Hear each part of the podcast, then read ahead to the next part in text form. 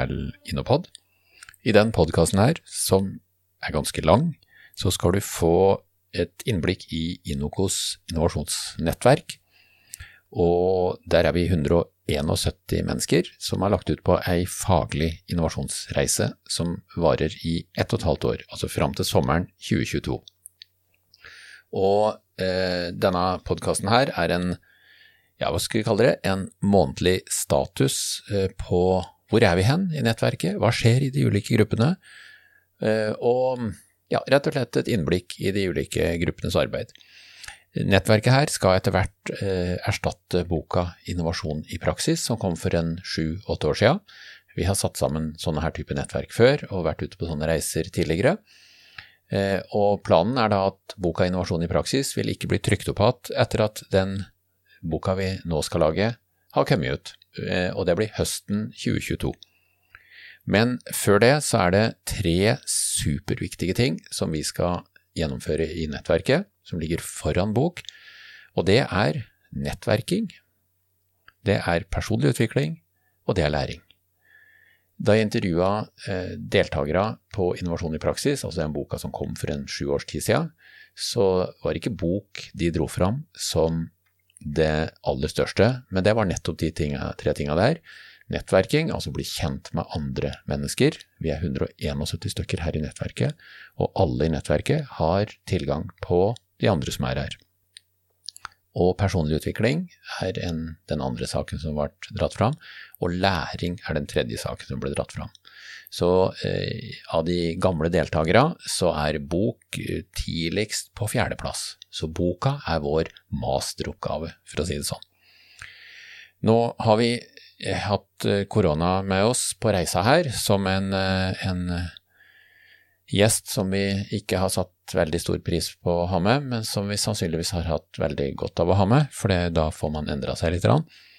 Men vi bestemte oss da for å endre sluttidspunktet på vår faglige reise vi skulle nemlig opprinnelig drive på i 2021, altså fra nyttår til nyttår, men vi har flytt sluttidspunktet til sommeren 2022.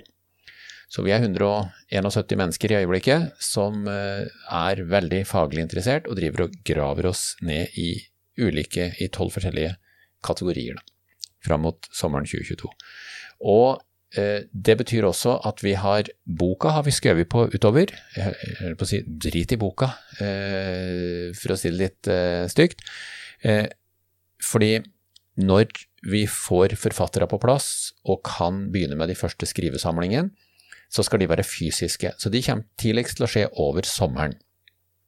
Og fram til da, altså forfattere er de som skal ta tak i målgruppe og jobbe med med boka som sådan. Så det, så, så det vil påligge forfattere. Og vi har ikke valgt dem ennå, så hvis du som lytter har lyst til å være med å skrive, har lyst til å være med forfatter, så er det ikke noe tog som har gått. Vi har alle muligheter til at du kan få være med på det.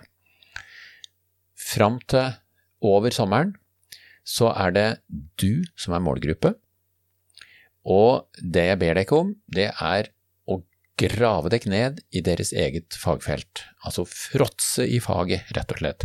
Tenk egoistisk, hva er det du trenger, hva er det du trenger i din virksomhet, og bli kjempegod på det dere driver med, enten det er ledelse og strategi eller kreativitet eller innsikt eller metodikk osv. Eh, og ikke minst, snakk med andre, inviter andre, besøk andre grupper, bygg nettverk, for, for å oppsummere eh, igjen det jeg sa, det er tre viktige ting som ligger foran bok. Det er nettverk, personlig utvikling og læring. Og nå skal vi få høre hvordan det står til i de ulike kapitlene. Kapittel nummer én eh, handler om introduksjon til innovasjonsfaget. Og Det er det kapitlet som griper over absolutt alle ting innenfor innovasjonsfaget, og lederen for det kapitlet er Eirin Marie Skjøndal Bar. Velkommen, Eirin. Hei, hei. Takk for det, Sju. Jo, eh, si noen ord om eh, hva er det dere driver med på gruppa deres, og hvordan tenker dere og planer framover? Jo, eh, vi er jo eh, så heldige at vi får være introduksjonskapitlet, og det betyr at vi har den muligheten hoppkanten, det er jo å fly litt rundt i helikopteret og se litt ting litt utenifra og ovenifra. Og ja, og, og bygge rett og slett hoppkanten som vi skal ta sats fra når vi skal inn i, i boken videre. Um, altså vi har rett og slett starta med å, å uh, gå litt gjennom den, bok, den forrige boken, uh, og gå gjennom og diskutere ulike tema. Litt sånn tema for tema. Ja, ja. Dere kan invitert inn andre fra andre grupper òg, ikke sant? Ja. Det vi har gjort, er at vi har fordelt temaene ut på gruppemedlemmene ut ifra interesse, og så har vi eh, latt eh, gruppemedlemmene knytte kontakter med de andre gruppene som er relevant for temaene de holder på med. Eh, og så har de, følger de opp de ulike kapitlene og inviterer inn bidragsytere fra de andre kapitlene inn i våre gruppemøter når vi skal diskutere temaene som er, relevant for det, det kapitlet. Ja, vi har vært så heldige at vi har hatt besøk av flere, flere fra flere kapitler allerede, og det har vært veldig, veldig spennende. Samtidig som vi har brukt uh, møtene for å knytte det opp imot eh, mot temaene sånn som de har vært gjennomgått tidligere i eh, den forrige boken. Så at vi får kombinert det med en gjennomlesning av, av innovasjon i praksis òg. Ja, for det, det, går gjennom Dere har studiesirkel og leser gjennom kapittel for kapittel, og så, unnskyld, og så inviterer dere med dere folk fra de relevante tingene når dere har gjennomgang av det. Er det riktig forstått? Ja, men litt motsatt. Vi, vi tar det kapittel for kapittel ut ifra sånn som vi ser for oss at den nye boken skal være, og så inviterer vi inn de som er relevante og som jobber med kapitlet eh, kapitlet der. Og så knytter vi til den kunnskapen fra innovasjon i praksis som passer inn ja, i ja. det kapitlet. Ja. Så det er ikke sikkert det alltid er helt sånn én til én med den forrige boken. Nei, nei men det, det, det, høres supert ut, det. Hvor ofte møtes dere? Eh, vi har møte hver 14. dag. Og da møtes vi i en og en halv time. Ja. Og stort sett så er det kommer det noen sånn to tredjedeler, og tida går egentlig ganske fort. Det er sånn at man begynner å tenke at ja ja, hva skal vi snakke om?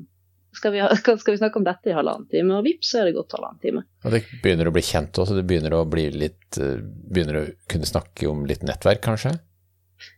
Ja, vi begynner å bli bedre kjent. Men jeg kjenner at jeg gleder meg veldig til å kunne møte folk. Det tror jeg gjelder alle. det gjelder absolutt alle, ja.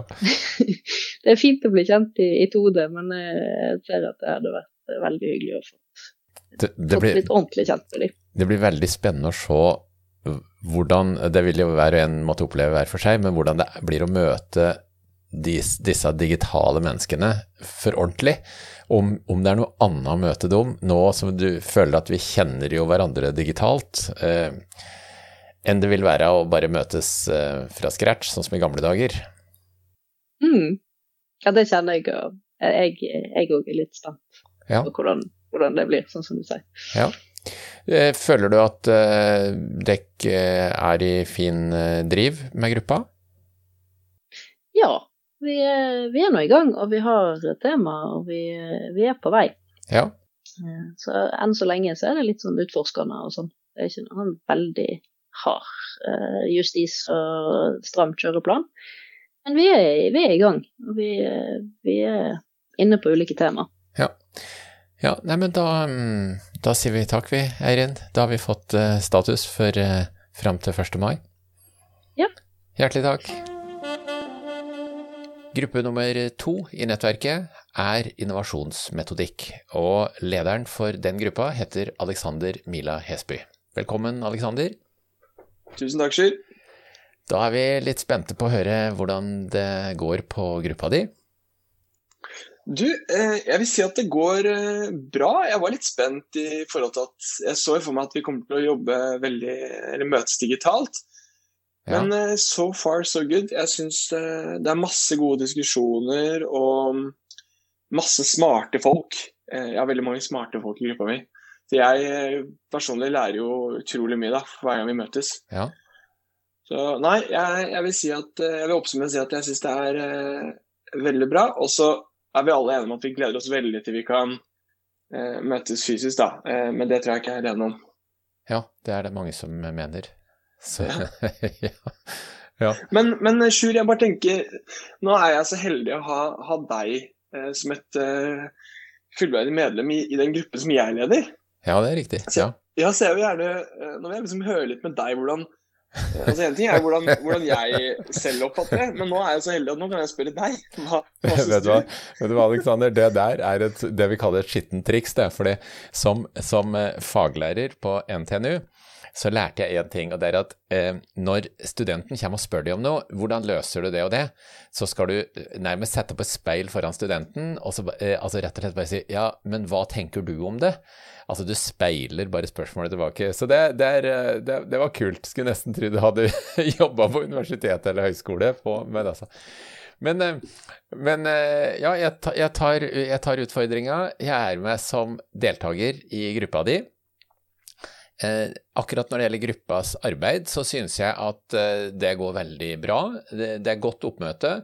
det jeg personlig liker veldig godt, det er de faglige diskusjonene som vi har der. Eh, og det er riktig som du sier, det er mye gode folk, mye kloke folk på gruppa, så, så, det, så det, kommer ganske mye spennende betraktninger. Eh, personlig så, så eh, Nå jeg drevet med innovasjon i over 30 år, og jeg syns det er utrolig morsomt når verdensbildet mitt blir revet ned, og, eh, og, og, og jeg, jeg, får nye ting. Da føler jeg virkelig at jeg lærer. Altså, det jeg trodde var sant, det blir så til de grader torpedert, og så blir det også, og, som et ledd i en diskusjon, da. Eh, og det, det syns jeg er kjempespennende, å, å, forstå hva andre mener og tenker. Og, så og en, en, en, annen ting, da, hvis jeg skal svare som deltaker, jeg har bevisst holdt meg unna de andre gruppene fram til påske, rett og slett for at de ulike lederne skal få befeste sin posisjon og bli eh, eh, lederen, sånn at ikke sju Sjur Dagestad kommer og fucker til det, eh, i og med at jeg leder hele nettverket. Og nå har jeg begynt å besøke de andre gruppene, og det er utrolig morsomt. Og eh, å høre hvordan de diskuterer, og jeg er veldig opptatt av det filosofiske. altså Hvordan tenker man, eh, hvordan løser man dette her, hvordan angriper man problemet, hvilket tankegods legger man til eh, Altså F.eks. Eh, når kundeverdigruppa, eh, eller de heter jo kundeverdi, fordi det var kundeverdi som sto i den gamle boka. Og så snakker jeg med det bærekraftkapittelet og sier om herregud, kundeverdi! Det er laveste nivå. Det er jo forurensning og, og, og privat forbruk. Vi må tenke samfunnsverdi. Vi må tenke, vi må tenke verdi for kloden. Så kanskje kundeverdigruppa skal endre navn til verdigruppa osv.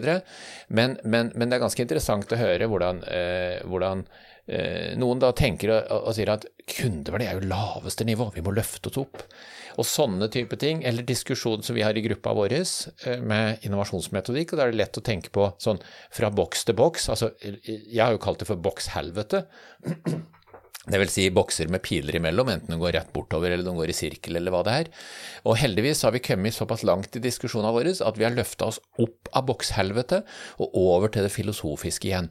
Hvordan skal man oppføre seg? Hvordan skal man tenke? Hvordan skal man sette sammen en organisasjon for å få ut potensialet i de menneskene som er der, og den, den hjernekrafta som er der?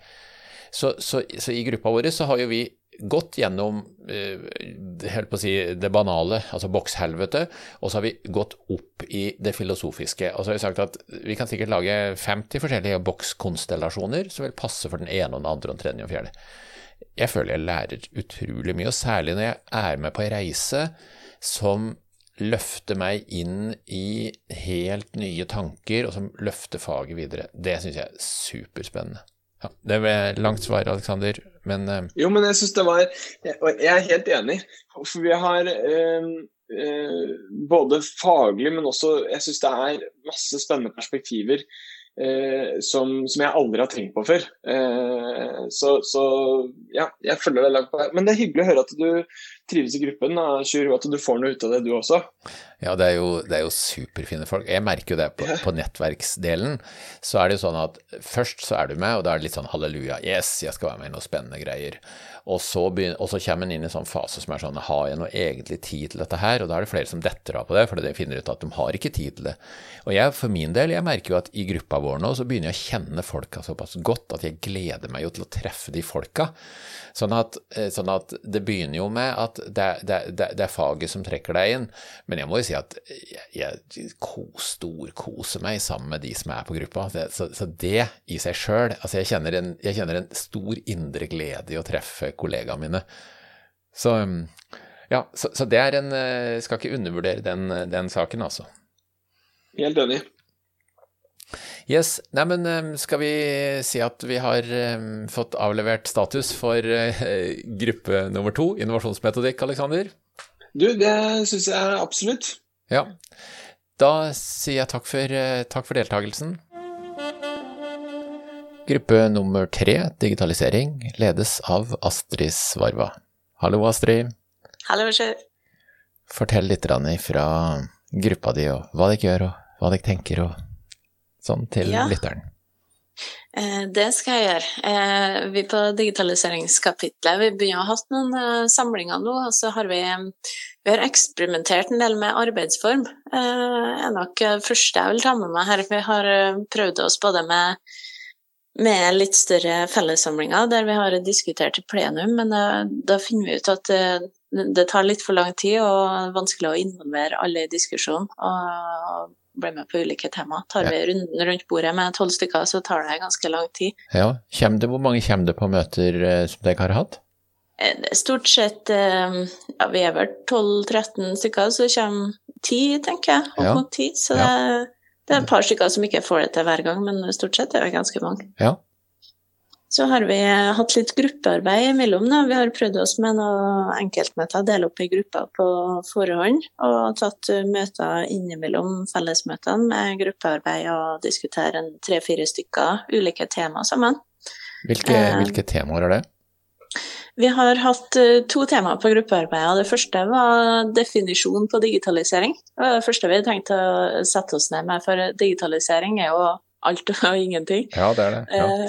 Så vi, så vi, fant ut at vi må ha en felles forståelse for hva er egentlig digitalisering. Hva legger vi i det? Eh, hvordan kan vi eventuelt eh, dele opp det? Eh, hva er ulike temaer vi kunne ha tenkt oss å skrive om, og hva, ja, hva er selve definisjonen og hovedpilarer? Ja. Så det var det første. Eh, og nå sist så hadde vi gruppetema på på eh, om det finnes eh, grunner til å ikke digitalisere, eller hvorfor, hvorfor ikke digitalisere. Eh, og da var jo kanskje det største temaet på finnes det, finnes det noen gang at digitalisering ikke er løsninga og ikke er ønskelig. Riktig, ja. Um, og nå neste, til neste runde så har vi gruppearbeid om eh, innsikt. Hvordan man kan bruke digitalisering for å få kunde-brukerinnsikt. Gjerne ved hjelp av data eller ulike digitaliseringsmetoder. Ja, det er sikkert superinteressant for innsiktsgruppa òg. Ja, det var, det var, det vi tenkte på. Det var egentlig som et resultat av eh, når vi leste Innovasjon i praksis og innsiktskapitlet der, så syns vi fokus der uh, kunne ha vært uh, mer på digitalisering, så det var noe vi ønska å ta tak i. Ja, herlig. Ja. Ja, så har vi Ja, de siste fellesmøtene har vi hatt mer at vi bryter ut i gruppe, grupperom i, i Teams-møte. Vi prøver å bruke de digitaliseringsløsningene vi har i møter. Så vi har brukt grupperom i møtet, så vi bryter ut i grupperom, og så møtes vi i plenum igjen ti minutter etterpå for å oppsummere diskusjonen i gruppene. det er en møtedynamikk som jeg syns har fungert veldig godt uh, siste gang. Ja, um, og ofte har dere møter? Vi har hatt uh, hver 14. dag. Ja, og det uh, og nå frem til sommeren så blir vel Vi kjører gruppearbeidene i fellesmøtene, så da tar vi månedlig frem til sommeren nå. Ja, ja. Yes, og du føler du at jobben går greit med gruppa di, at det ikke er i, godt i siget, eller? Ja, jeg føler diskusjonen går godt. Folk eh, engasjerer seg veldig. Um, så, men det, det, er jo et stort tema, så det har handla litt om noe å snevre seg inn, og hva det egentlig vi vi skal diskutere, og hvilket tema er det som er aktuelt. Men, men, folk er ivrige, da, så ja. det er artig. Ja. Og så siste samling så hadde vi en fra fra et annet kapittel, og det er med oss i diskusjonene. Og det syns jeg har fungert veldig bra. Så oppfordrer jeg andre kapitlene til å ta kontakt og bli med oss på en samling. Ja, det begynner, å, det begynner å, skje litt med at kapitler besøker hverandre, og, og, folk begynner å kikke litt på andre faglige temaer enn bare det kapittelet de er i òg. Ja. Så, ja, det er veldig fint. Ja. Neimen, eh, supert, Astrid. Hjertelig takk for eh, tilbakemeldinga eh, fra gruppa di, og lykke jo, til videre. Jo. Takk for det. Nå har vi kommet til bærekraftgruppa, og den gruppa ledes av Veronica Basica fra Pan Innovasjon på Hønefoss. Velkommen, Veronica. Tusen takk. Åssen går det med bærekraftgruppa? Jo, det, det går vel fremover med, med tida. Uh, nei, det går veldig bra. Uh, vi har hatt uh, mange gode diskusjoner. Vi har prøvd oss litt sånn på å møtes Eh, en gang i måneden i begynnelsen. Ja. Vi har hatt veldig lange møter. Og så har vi da akkurat nå mellom de to siste møtene gjort om på møteformen vår. Vi eksperimenterer litt med det. Prøver å møtes eh, litt oftere og på litt kortere tid. Um, vi har også delt opp litt nå, for jeg, jeg merket jo litt det at vi hadde mye gode diskusjoner, men de var alle veldig overordnet. Um, sånn at vi hadde på forrige møte så prøvde vi oss på bruk av Miro, med litt sånn ja. middels suksess. Jo, jo, men det er, eh, Miro er, eh, krever fort en halvtimes opplæring før du eh, ja. klarer å flytte de boksa rundt. Men det er fint, det, det, er, det er fint verktøy når, du, når, når man har de i fingra, ja. Absolutt. Nei, men vi, fikk, eh, vi, fikk en, eh, vi, gjorde en form for spissing, en liten sånn innsnevringsprosess, hvor vi så på okay, hvilke tema er det vi har lyst til å sånn, prate mer om. Eh, og da på siste møte som vi hadde i går, så hadde vi satt av en time sånn over lunsjen for å sitte og diskutere et konkret tema. Eh, og da, da, var det bunnlinje som ble tema, for det var alle tre gruppene som vi delte oss inn i på spissinga, hadde satt dette med bunnlinje og økonomi som veldig viktig i relasjon til bærekraft. Ja, og da snakker, vi, snakker vi trippel bunnlinje som dere diskuterer da, eller? Ja, det var vel et utgangspunkt for diskusjonen. Ja. Eh, men, men, tanken bak temaet var nok heller at altså, det må være også økonomisk bærekraftig for at eh, man skal kunne kalle noe bærekraftig. Mm, mm. Eh, fordi bærekraft omfavner mer enn miljø, og det her er jo et sånt tema som vi stadig detter tilbake til. At, eh, at bærekraft det forbindes veldig tett med miljø, og eh, det er jo også veldig mange på gruppa her som, som jobber i bedrifter som har stor miljøfokus. Ja. Nå, um, nå, har de, nå, har de, ikke fått et helt nytt medlem denne uka her òg, Chris Klemetvold, som nå kommer ei bok i håndbok i sosialt entreprenørskap, og som vil eh, trekke inn sosial bærekraft eh, i gruppa deres. Det gleder jeg meg til. Ja, det blir veldig spennende å høre hva, hva det er, og, og hvordan, det, hvordan, han belyser det. Så du får inn, en, får inn en kanon nå, for å si det sånn. ja, jeg er jo veldig heldig med gruppe, da. Herlighet. Beklager av stemmen min litt ute å gå i dag. Jo da, du, du har, dere har hatt veldig godt oppmøte òg, ikke sant? Ja, vi har eh, som regel på Når vi hadde da månedsmøter, så var det eh, to-tre kanskje som, som, ikke fikk til å møte. Vi har hatt ett møte med litt færre, ja. og vi har kanskje halvparten.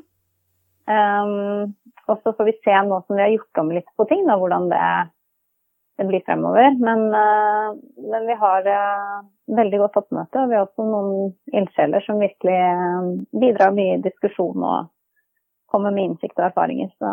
Men eh, jeg har jo sjøl hatt gleden av å være på besøk i, i gruppa deres, og, mm. og, hørt på hvordan dere tenker. og og det, og det, var jo Jeg syns det var veldig forfriskende når, når et av medlemmene deres eh, nærmest knakk sammen og sa herregud, har vi et kapittel som heter kundeverdi? Vi har jo det er jo på enkeltindivid, det er jo laveste nivå. Det er jo forurensning, eh, forbruk. Vi må se på verdi for kloden, vi må se på verdi for samfunnet.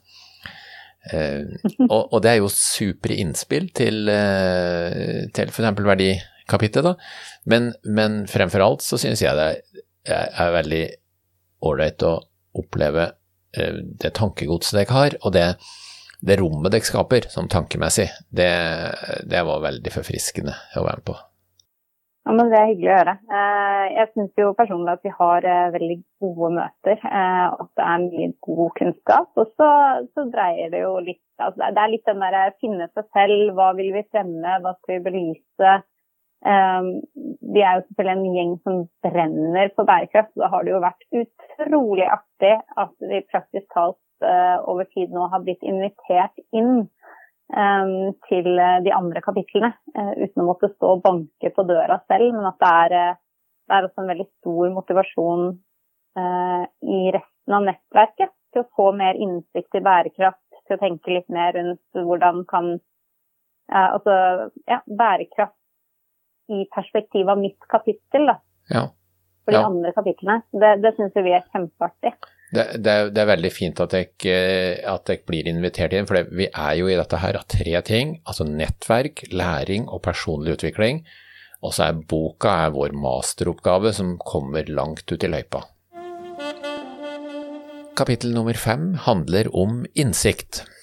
Og eh, Marit Holm Thorseth er eh, lederen for den gruppa, og Marit jobber i Brønnøysundregistrene. Velkommen, Marit. Takk for det, Sjur. Så eh, da er vi litt spente på å høre, da. Hvordan går det med innsiktsgruppa? Eh, jo, etter forholdene så, så, tenker jeg at det går eh, veldig bra. Eh, vi, vi, kjenner jo litt det at vi aldri har møttes fysisk, at alt foregår digitalt og sånn. Men eh, det gjør at vi snakker om litt andre ting, tror jeg, enn det vi ville gjort hvis vi møttes fysisk, da. Ja. Um, for det, altså jeg har bl.a. Uh, eh, lurt litt på det. Hvordan skal jeg få folk til å ta Vi har jo ikke noe kaffeprat imellom uh, møtene når vi møtes på Teams. Nei, sånn at uh, det blir ikke naturlig liksom å si sånn Hei, hvem er du? Og å ja, deg har jeg liksom møtt på en gang før. Altså, det er ingen som, som kjenner hverandre sånn veldig godt. Så vi, vi, har for å bli litt kjent, så har, har, jeg tatt i bruk en litt sånn Jeg tror kanskje noen syns den var litt sånn too much, men jeg tror de fleste syns det er gøy. En sånn oppvarming, sånn tegneøvelse. Ja, og det er ikke ja. Nå blir jeg spent, ja. ja. ja det, det, er ikke tegnekonkurranse, det har vært veldig uh, påpasselig med å si, da. Men uh, i forkant, altså i, i, hilserunden vår, så tar vi med oss penn og papir, og så uh, tegner vi, bruker vi et par minutter på å tegne sånn Hvordan er det jeg har det om dagen? Hva er det som opptar meg?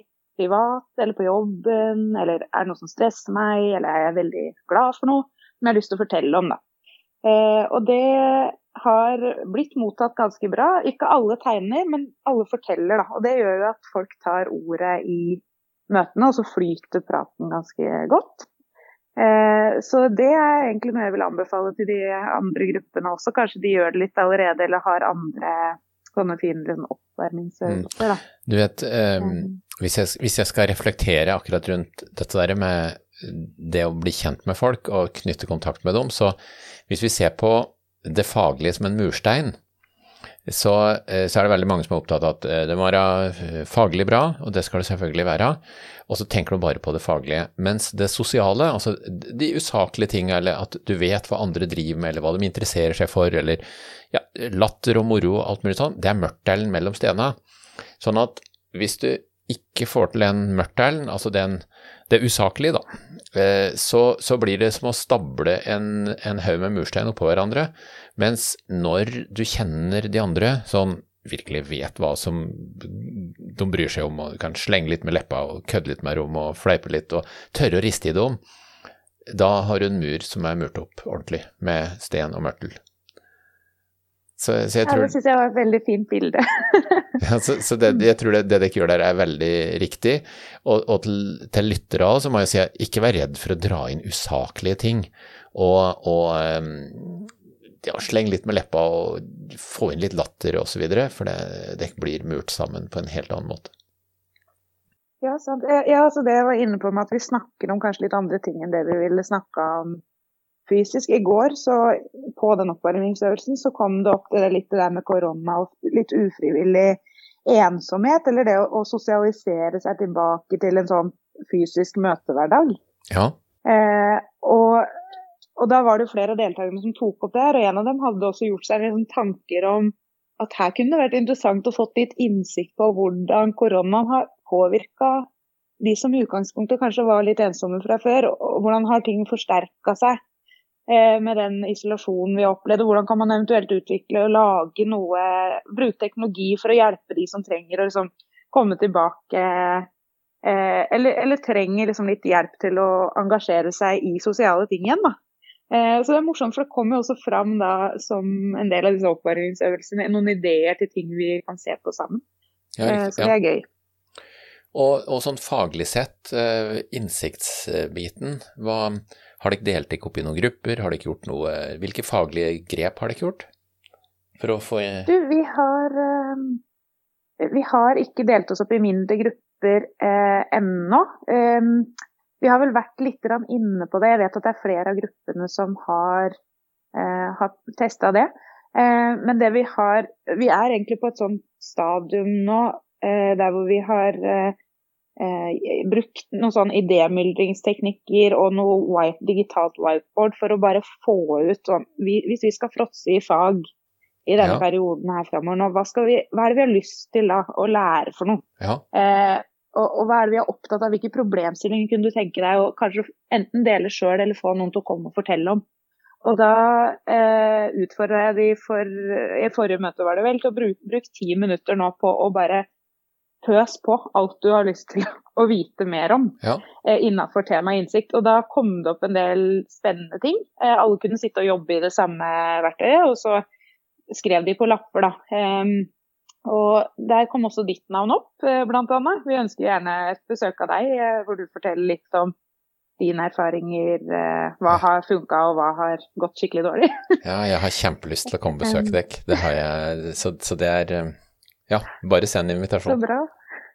Det skal vi gjøre. Vi, vi sitter og planlegger litt for å få nå, i tillegg til at vi har de månedlige møtene våre, så Eh, ønsker vi å, å, se om hvis det er behov for det, så kan vi ha oftere møter og hyppigere møter. Men også det å få opp tema.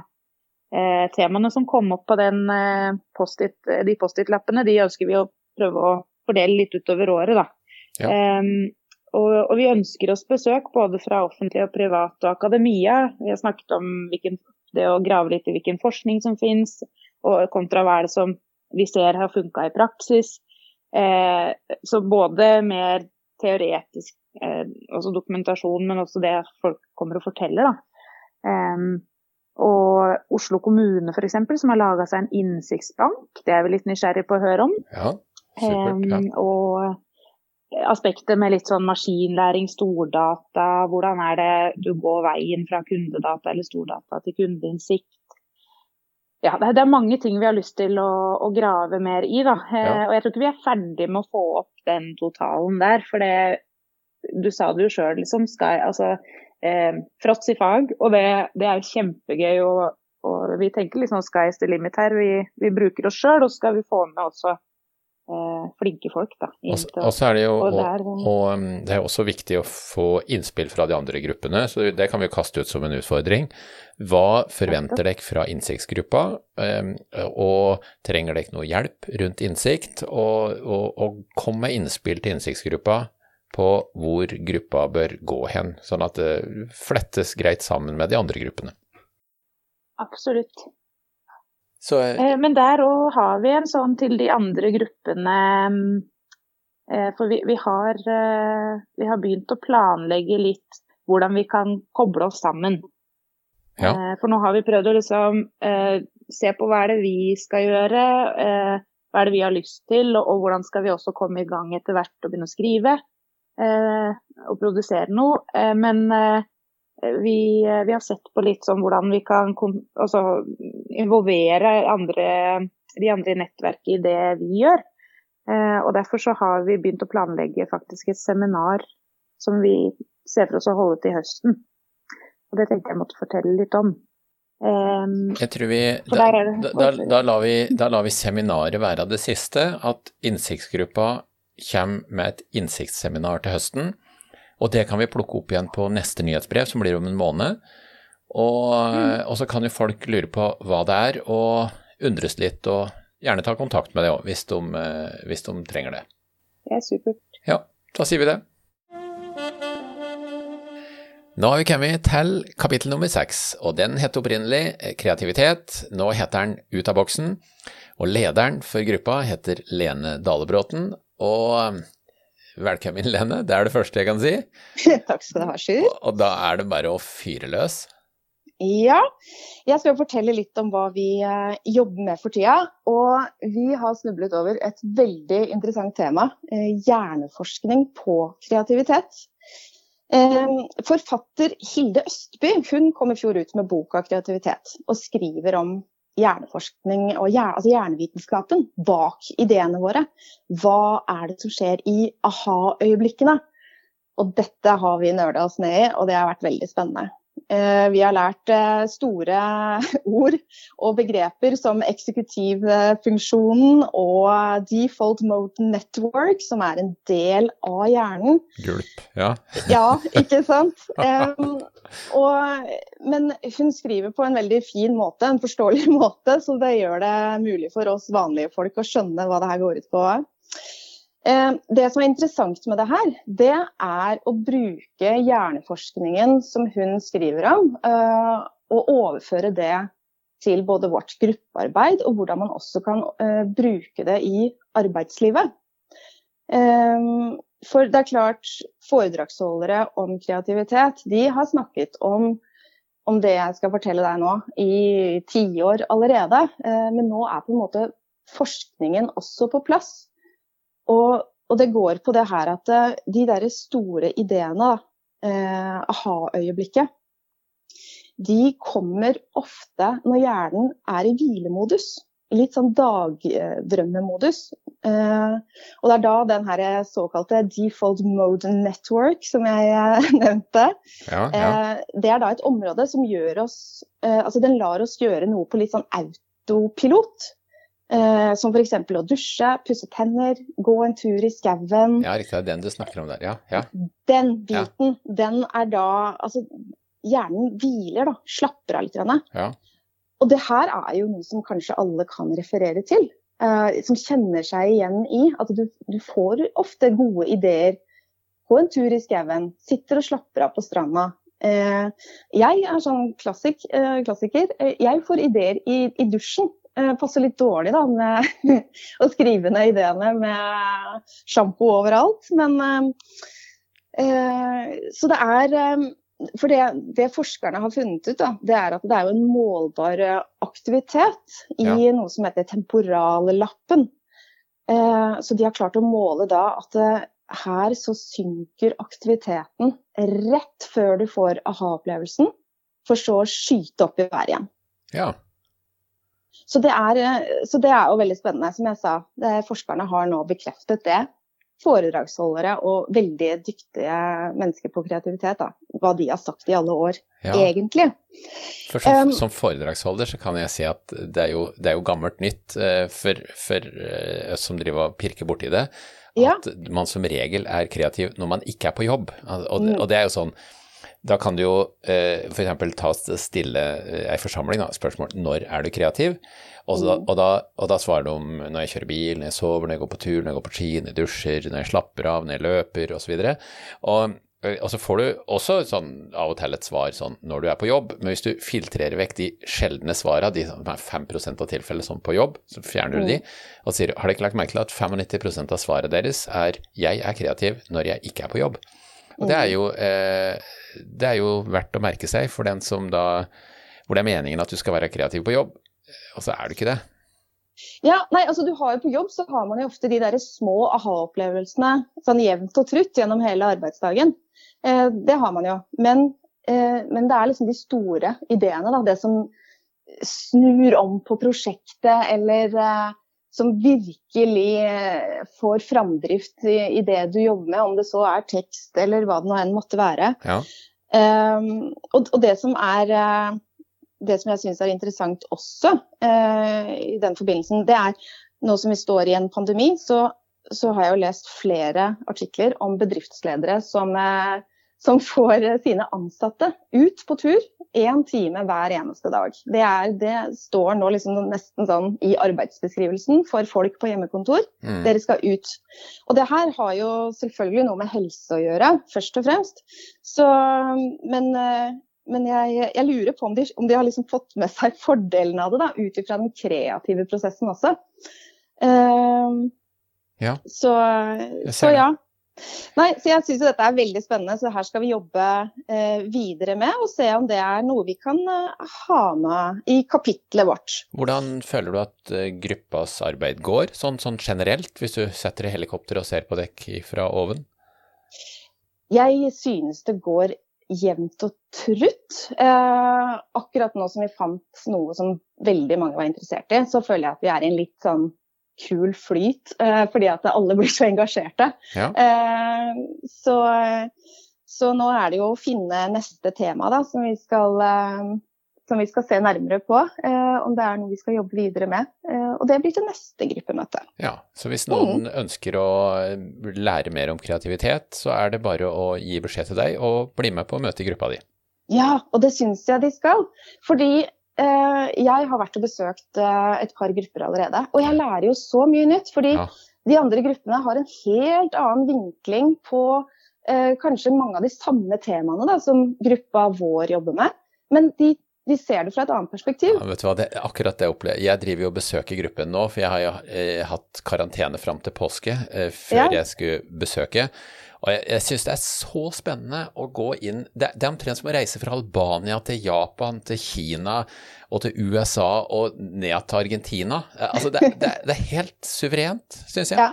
Ja, og, det, og, jeg tar jo med meg alt det jeg får med meg på de andre møtene, tar jeg med meg tilbake til min egen gruppe. Og så ja. ser vi hva kan vi bruke her, hva har vi lært her. Uh, nei, Så det vil jeg virkelig anbefale, altså. Det, ja. Jeg lærer masse. Ja, men vet du hva, jeg tror vi lar det være de siste orda der. Og så eh, skal lytteren få høre mer fra kreativitetsgruppa, eller Ut av boksen-gruppa, om mm. en måneds tid på neste nyhetsbrev. Hjertelig takk, Lene. Sjøl takk. Da har vi kommet til kundeverdi, brukerverdi, eller kanskje bare verdi. Og Eirik Larsen er leder av, eh, ja, skal vi kalle det verdigruppa, Eirik? Ja, det er jo åpent til diskusjon, da. Ehm, er, vi, eh, er det kundeverdi? Er det eh, verdi sånn helhetlig vi skal se på? Det er ja. noe vi skal dykke nærmere i. Ja, bærekraftsgruppa har jo vært tydelig på at kundeverdi er for lavt nivå. Det, ja, er, så vi kanskje må løfte det litt, ja. Det er samfunnet og kloden som betyr noe her. Så ja. ja. Ja, kan gi litt status på hva vi holder på med. Um, vi har jo kommet ganske godt i gang med lesesirkelen, så vi begynner å nærme oss eh, slutten av eh, den forrige boka, eh, hvor vi på en måte tar opp hvert tema, hvor noen på gruppa snakker om det og kobler det til egen hverdag. Og det skaper gode, gode refleksjoner og gode diskusjoner. Ja, for dere har diskusjoner rundt hvert tema, da? Ja, ja. stemmer. Eh, så vi på en måte skaper oss et litt sånn overblikk da, over alle kapitlene og hva er skrevet før, og hvordan er det hver enkelt på en måte tenker litt rundt de ulike temaene. Ja. Eh, så det skaper veldig gode eh, diskusjoner og refleksjoner rundt det. Ja. Videre så har vi Vi har veldig godt oppmøte i gruppa, og det er god stemning, så det er jo veldig positivt. Så nettopp, vi har nå ja. Hæ? Ja, altså nettverkseffekten er eh, noe som eh, vokser i gruppa, er, er, det så, eller? Ja, vi begynner å se liksom konturene av uh, hva ting kan bety og sånn. Folk blir litt uh, varmere i trøya, og vi, vi, kommer litt inn i det nå, på en måte, da. Ja. Så ja. det er jo en prosess, dette her. Ja, det er det. Helt klart. Uh, videre så har vi fordelt grupper gruppa eh, ut i hva skal jeg kalle det, undergrupper eller subgrupper, hvor, eh, eller innsiktsgrupper har vi valgt å kalle det. Eh, hvor vi på en måte, noen skal se litt nærmere på teori og den type ting. Noen skal se litt nærmere på historier, og så skal vi prøve å knytte det her litt sammen. da. Sånn at vi finner noe som er litt, det vi tenker kanskje kan være viktig for temaet kundeverdi eller verdi. Um, og etter hvert som dere gjør noen funn, altså enten, enten, historier som er sånn 'denne må bare de andre i nettverket få høre', Mm. eller det er noen uh, teorisaker, så, eh, så vil jeg gjerne lage podkast på det. For det planen vår nå er jo å lage ei bok som, uh, som også har en sky av podkaster med seg, og eh, også sannsynligvis filmer.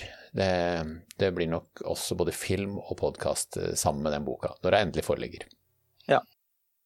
Det, det, det arbeidet vi går inn i nå, føler jeg blir veldig interessant. For nå begynner vi å skal gjøre disse dypdykkene inn i selve verditemaet, da. Ja, og jeg, jeg, blir jeg vet at dere dere så f.eks. på verdiregnskap, eller dere skal kanskje kikke på det, jeg, jeg vet ikke status på det, men Ja, det er en av de tingene vi skal kikke litt nærmere på. Det er fra eh, den boka til Curtis Carlson, Ja, eh, eller ja. Carlson. Ja. Uh, The Five Disciplines of what, Creating What Customer Wants. Um, blant annet, uh, som det er, dette er nevnt, da. Uh, hva er plussene og minusene for å skape verdi? Um, så det blir også veldig interessant. Så det blir en verdibetraktning omtrent som i en gammeldags landhandel, altså med ene sida vekta og andre sida, eller som et regnskap, da, utgift og inntekt. Ja, på en måte. Ja. Så det, det kan være én faktor inn i dette, da. Ja, ja. Spennende. Uh, videre så har vi de hovedmøtene våre eh, en gang i måneden nå. Uh, og de kjører vi fra lunsj pluss to timer hver fred, eller en gang i måneden, da. Ja. på fredager. Ja. Så da er det litt sånn eh, ja, litt eh, tidlig helg eller litt sånn avslappa stemning på en måte. eh, hvor vi tar for oss disse temaene Ja, våre. ja, det har jo endra seg, vet du. Legge ting fra lunsj på fredag. Da skulle folk reise på hytta eh, Ja. og dra over lunsj på fredag. Men nå drar vi jo på torsdag, eller vi er allerede på hytta, har vært der i 14 dager og sitter og jobber. Så, det er kanskje, så fredagen har endra seg. Ja. Nei da, så det, det har i hvert fall funket bra frem til nå. Ja. Så det er veldig bra. Ja, nei, men, eh, og, og vi kan vel også oppfordre folk til å komme og besøke gruppa deres, de som har interesse av verdi. Ja, absolutt, og hjertelig velkommen. Eh, Det er bare å ta kontakt, og ja. Ja. Eh, Vi kommer helt sikkert til å ta kontakt ganske snart også med de andre gruppene, for å kanskje komme på besøk eller ja, for andre ting. Ja, for dere sender ut speidere eller ambassadører osv. til de andre. Ja, vi skal begynne å se litt på det nå, og prøve å kartlegge hva den enkelte ønsker på en måte å få litt av input og sånn, da. Så Ja. kan vi eh, sende ut noen invitasjoner.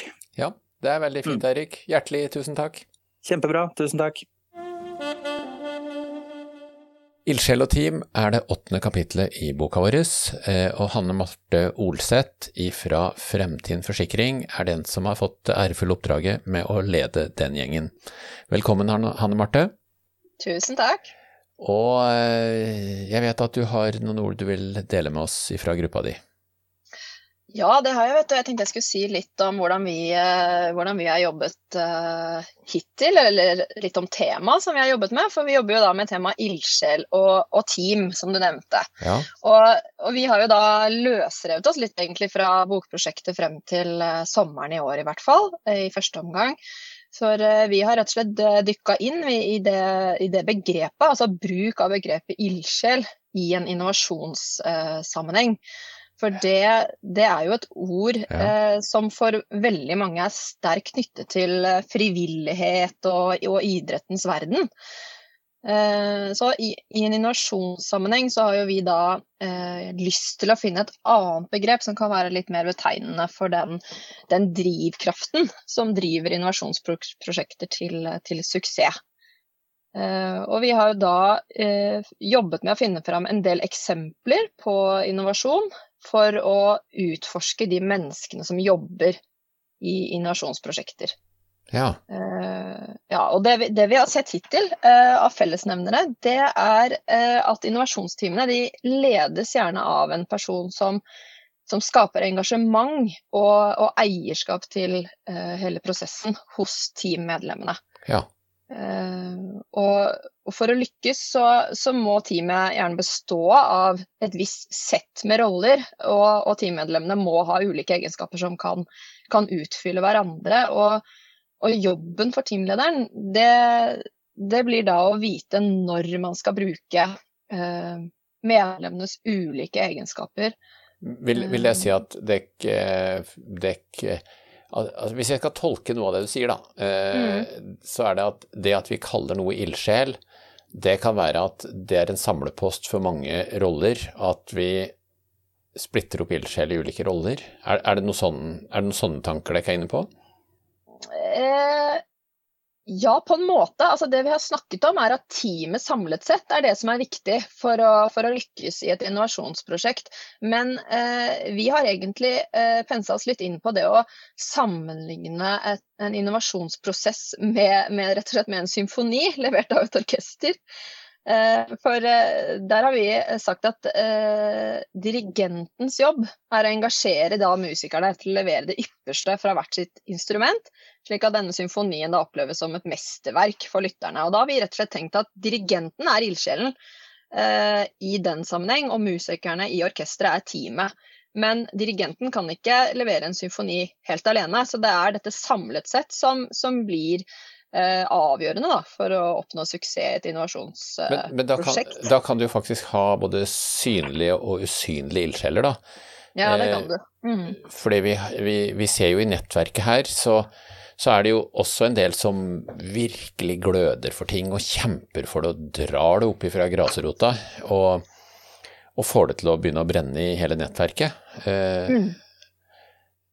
Så, ja, det kan du si. Mm det, det, er et tema som eh, jeg tror vi kan diskutere ganske mm, lenge. Ja, ja, ja. Hvordan vi skal eh, rett og slett eh, sette det, det begrepet da, i så, en innovasjonssammenheng. Mm. Så dette her er et slags blåkopi eller ifra diskusjoner dere har i, i, gruppa deres rundt, rundt ildsjel? Ja.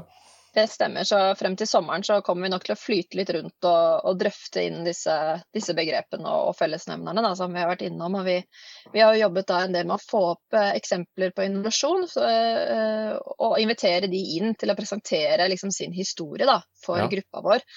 Um, så har det jo selvfølgelig, det tar jo litt tid å komme i gang med dette arbeidet når vi jobber digitalt, men, uh, men vi syns egentlig vi har kommet ganske greit i gang og klart å liksom flyte litt rundt da, i, i temaet vårt. Ja. Og akseptere at det Eh, det er helt greit å gjøre. For det er jo ikke noe svar på hvordan eh, prosessen her skal være.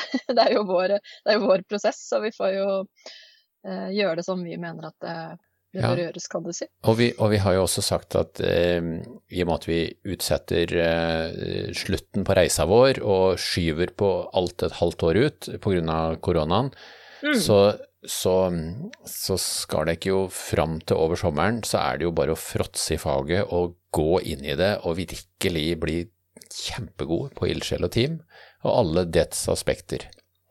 Så, ikke sant. Det er det, det, er det, det, som er målet. ja, og da relatert inn mot innovasjon, så klart, som er liksom den avgrensninga vi har som en ytre avgrensning. Ja. Det vi har diskutert ganske mye, er rett og slett om, om det å være en ildsjel er liksom en rolle man kan påta seg. Eh, og man kan velge å gå inn i hvis man på en måte vet hva som skal til da, for, å, for å være den ildsjelen. Men da har vi snakket mye om at det, eh, det må, være, må, nok være en, en uh, viss eh, mengde egenskaper, eller viss antall egenskaper ja. som bør ligge til grunn da, som utgangspunkt for å kunne liksom, ha den rollen. Og det er jo ikke noe man sier 'yes, nå går jeg inn og er en ildsjel'. Ah, dette her, her, her, her, kjenner jeg at jeg får lyst til å svare. Eh, det kan jeg gjøre etter at vi har lagt på opptaket. fordi jeg har sjøl sittet i en, en, situasjon hvor jeg ble ildsjel, men det tok et år. Og, og hvor jeg visste at jeg måtte gløde for det, men det tok meg ett år før jeg virkelig med hånda på hjertet kunne si nå gløder jeg for det. Ja, ikke sant? For det er jo ikke nødvendigvis sånn at man gjør det fra start hvis man blir satt inn i et prosjekt. Så det er jo Nei. noe med å finne den, eh, den, drivkraften. da. Hva er det som driver den enkelte, og som gjør at man plutselig er den ildsjelen, ja. da, kan du si. Mm. I, det, I det tilfellet her så begynte jeg som innovasjonssjef i Tomra, og begynte med noe som var helt ukjent for meg. Eh, og det var masse jeg måtte sette meg inn i. Og det tok altså ett år eh, før jeg kunne si at nå er jeg villig til å drepe for dette her. Nå, nå har jeg det i hjertet mitt.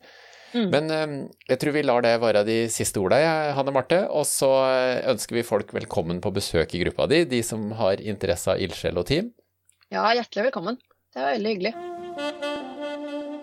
Da har vi kommet til eh, kommunikasjonsgruppa. Det er den niende gruppa i eh, nettverket vårt. Og Martin Strange er den som da leder eh, det arbeidet. Velkommen, Martin. Takk. Da er vi litt spent på å høre hva skjer i gruppa di? I gruppa vår så, så har vi å, å, bruke en del tid på den nettverksbiten. Eh, vi har eh, hatt en del erfaringsdeling mellom oss innenfor eh, kommunikasjonsfag. Og vi har brukt mye av tida vår på å diskutere og, og, og, dra nytte av de ulike erfaringene hver enkelt har. Da. For I gruppa mi, som jeg er veldig fornøyd med, så har vi, vi har mange dyktige og flinke og erfarne personer som har Uh, gode og unike historier som, som vi har, uh, flere har vært villige til å dele med oss. og det, det, har mange satt pris på, og det er noe som vi også kommer til å fortsette med, med videre. For det har vært veldig nyttig for, for alle. Ja, ja, og jeg kan jo som vaffelsjef i podkastkanalen, så kan jeg si at vi ønsker å få inn sånne historier til å lage podkast mm. av. Det er klart, så det er, det er veldig interessant å, å, høre historier, fordi du kan bruke de erfaringene andre har, og på en måte si, sammenligne dem opp mot dine erfaringer, for å da lære er det noe jeg kunne gjort annerledes i den settingen, settingen som den personen lykkes med, eller, ja.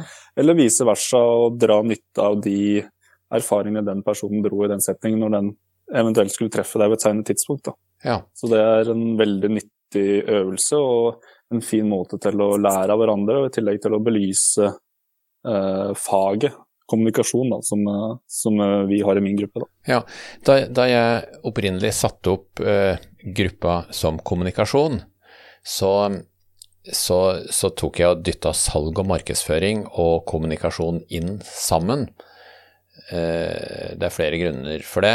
Eh, for en del offentlige deltakere de ville ikke blitt med hvis det har vært salg og markedsføring, og de trenger det mer enn noen annen.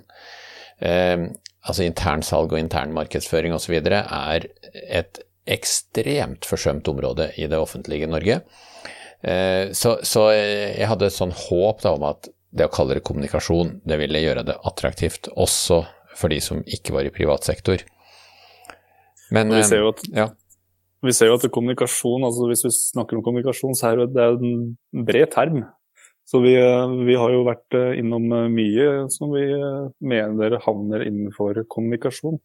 Ja. Og hvis vi skal gå litt videre hva som har skjedd i gruppa vår, så har vi også eh, begynt en prosess til å definere viktige aspekter innenfor kommunikasjon, altså som vi ønsker å dykke enda dypere ned i og ha med oss videre i prosjektet og inn mot boka. Da. Ja, og, og eh, i gruppa di, det er eh, engasjementet er oppe og går, for å si det sånn? Ja, det har eh, sånn totalt sett vært bra oppmøte i, i gruppa vår. Forrige møte vi hadde nå, så var vi litt færre enn en vanlig. Ja. Men vi har hatt en frekvens på ca. en måned og har hatt stort sett ganske bra oppmøte. Ja. Uh, så det har, vært, uh, det har, vært, veldig fint. Og det er selvfølgelig alltid noen innslag hvor uh, eventuelt ikke skulle passe, men sånn, det har vært en bra, en bra gjeng hver gang. da. Og vi, vi, kan vel også avslutte med at um, hvis det er noen av lytterne som er interessert i kommunikasjon, eller salg, markedsføring eller kommunikasjonsrelaterte temaer, så er det gruppa deres som er stedet å banke på døra. Ja, da er dem hjertelig velkommen til å komme på et møte hos oss. Og ta da gjerne kontakt med meg hvis det, er, hvis det skulle være interessant. Ja, flott Martin. Hjertelig tusen takk. Mm. Nå er turen kommet til eh, kapitlet for innovasjonskultur. Og eh, den som leder det kapitlet, han er en av mine gamle studenter, eh, sånn langt tilbake i tid. Han heter Jørg Høyland, og han jobber i, nå må du korrigere meg Jørg, Rolls-Royce Electrical Norway, er det riktig tittel? Det stemmer. Oi, jøss, yes, det var ikke verst. Yes, um, du leder kulturgruppa. Uh, gi oss et lite innblikk i hva skjer?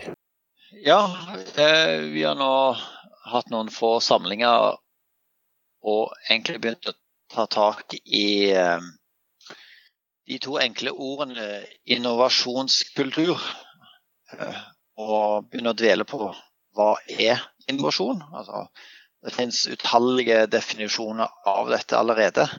Ja. Og, og egentlig begynt å diskutere disse, hvilke definisjoner føler vi dekker begrepet og slik. Og ikke minst hva er kultur? Og, og satt sammen eh, hva betyr disse to ordene, da. Um, fordi altså, vi ønsker å ha en innovasjonskultur som er sunn, og, og, og bidra til innovasjon.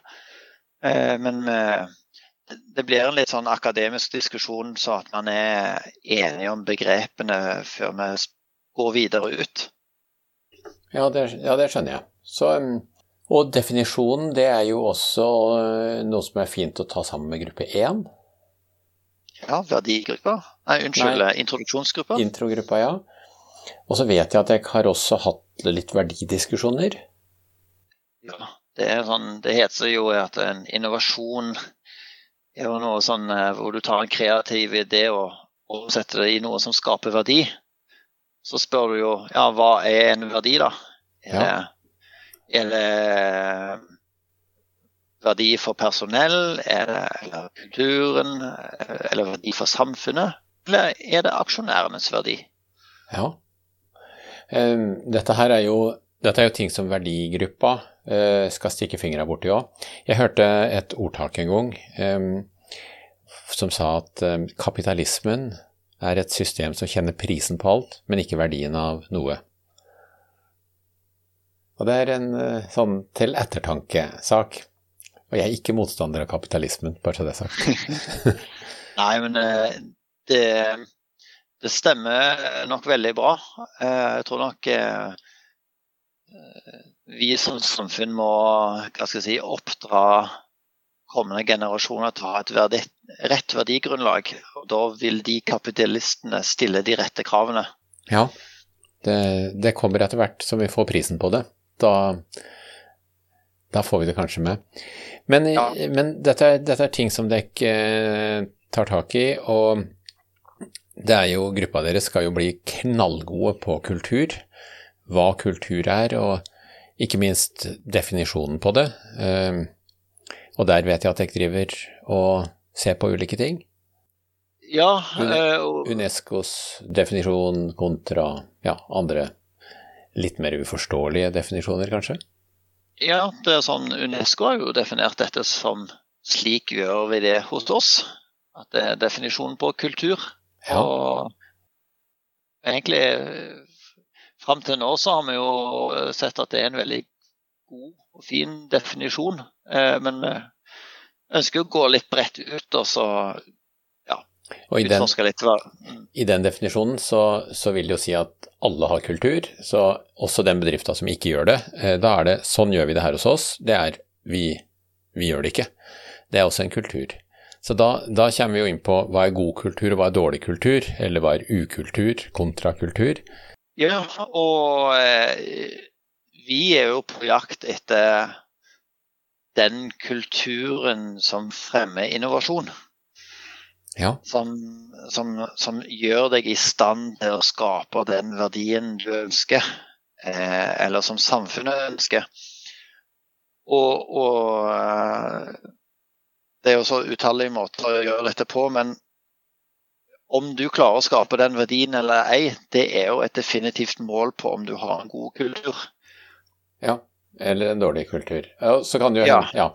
Du, um, jeg, jeg, tror sånn avslutningsvis, Jørg, så, så, kan vi eh, passe på å invitere folk som har Altså hvis noen av lytterne har interesse for innovasjonskultur, så kan de komme på besøk i gruppa deres og være med i diskusjoner. Ja, folk er hjertelig velkommen. Og jeg har òg oppfordrer medlemmer i gruppa vår til å søke kontakt med de andre gruppene. Ja, det er mange, det er mange grupper nå som, som, driver og sender ut sine ambassadører eller speidere, eller hva vi skal si. Eh, og, og det, er jo, det, er jo, derfor vi er oppe i det. Det er jo for å lære og for å utvikle oss sjøl.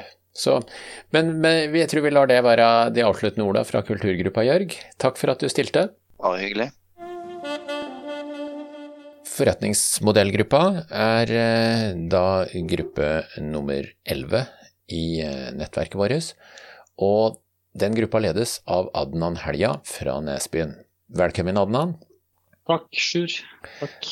Jeg vet du har ei, eh, ei ganske sterk gruppe, med, sterk på den måten, med mange sterke personligheter og mye meninger. Det, det har du eh, ganske rett i. Det er en eh, formidabel eh, gruppe. Jeg er jo hele 14 stykk. Med utrolig engasjerte og flinke mennesker. Som, som alle, alle, bidrar så godt de kan. Og vi har hatt sju veldig godt besøkte samlinger hvor ja. ja. På de fleste så har vi, vi, hatt med nesten alle sammen, så det er kjempe, kjempetøft. Jøss, yes, ja det, det, var, det, var, bra, for da, da, blir det virkelig en stor gruppe. Og jeg vet at det sitter mye forretningsmodellkompetanse i gruppa di. Ja, det gjør det. Det er en, det er en brei, eh, brei, og faglig tung eh, gruppe. Uh, som, som, både har mye teoretisk og, og praktisk erfaring. Altså, vi, vi har med folk som Yngve Dale, som representerer akademia i gruppa, til, til, de som driver med entreprenørskap og gründere, som har nylig starta gründerskapet sitt. Og så har vi seriegründere som har drevet med dette snart i 40 år, og som, som har levert til de grader og lykkes med det de har eh, prøvd seg på. Da. Så det er utrolig brei erfaring i gruppa. Kjempeartig å jobbe med. Hvordan er det å lede en sånn gruppe? Det har egentlig gått Jeg må vel være såpass ærlig at det, det, å være yngst i gruppa og prøve å lede en så, så klar og tydelig gruppe med mange meninger eh, Det trodde jeg skulle være en større utfordring enn der. Eh, men vi, vi, har lagt opp til å være et eh, hva skal jeg si, innspillsbasert Altså initiativbasert og innspillsbasert uh, måte å jobbe på. Ja. Deltakelse, og, og, det har funka veldig bra. Uh, så, så, jeg syns vi har hatt veldig gode diskusjoner. Folk har jo respekt for hverandre. Vi har veldig forskjellige bakgrunner. Og alle er jo med og bidrar. Og at det blir gode og lange diskusjoner. At vi har nok å prate om i de møtene vi har, det, det er det helt sikkert. Men sånn alt i alt så har det egentlig gått veldig, veldig bra. Litt, så, litt sånn, fa ja, ja, litt sånn faglig, hvordan uh, Er det noen spennende vinklinger, eller var det ikke gjort for grep der? Nå, altså, vi, vi har snakka om at vi ikke ønsker å skrive noe som allerede har blitt skrevet. Og, og med det så mener vi at vi ønsker ikke å ta en copy-paste av forrige bok. Eh, vi, vi, har snakka om å ha et fokus på, på det digitale, eh, bærekraft. Eh, vi lever i en tid der tanken om, om forretningsmodellen og, eller modeller og bruken av disse hos bedriftene, den, den er jo ikke statisk. Det, det, er tjenester, produkter og etterspørsel, ikke minst, som er i stadig endring. Ting skjer lynraskt, og da må også forretningsmodellene være det altså man, man, må kunne, man, må kunne, endre disse kjapt. Eh, så vi har hatt en del fokus på det. Da. Vi, vi, vi har snakka om å skille Altså dele forretningsmodellbegrepet i to ord. Forretning og modell. Ja. Um, og så ha egentlig den tilnærminga hvor vi på en måte kan fokusere på, på de to ordene hver for seg. Um, både da i forhold til det forretningsmessige, men også i forhold til modelleringa. Um, for alle kjenner jo til Osterwalder, og, men det, det finnes jo så mange andre. Og så finnes det så mange avarter av alle disse. Um, så nå jobber vi egentlig med å dypdykke og snakke enda mer om faget. Rett og slett fråtse i faget er vel sånn ganske dekkende. Ja. Um, så vi har hatt veldig fokus på det. Ja. Nei, men Det høres bra ut. Og hvis noen har lyst til å komme og besøke deg, så er det mulig? Det er fullt mulig, og det, det er bare å ta kontakt eh, med meg. Og så skal vi, vi ønsker gjerne innspill fra andre. og vi har allerede hatt noen forespørsler, og flere fra gruppa vår har vært med på andre sine grupper. Så, så det er jo kjempe, kjempeartig å være med og se hva andre holder på med. Og jeg tror folk vil finne det veldig nyttig å være med oss også. Det, det er alltid noe det, Man lærer alltid noe. Da tar vi den oppfordringen til invitasjon som eh, siste ord, og så sier vi takk til deg, Adnan. Hjertelig takk for at du stilte. Takk, Sjur. Vi snakkes. Da har vi kommet til eh, siste kapittel i oppsettet vårt, som er ledelse og strategi.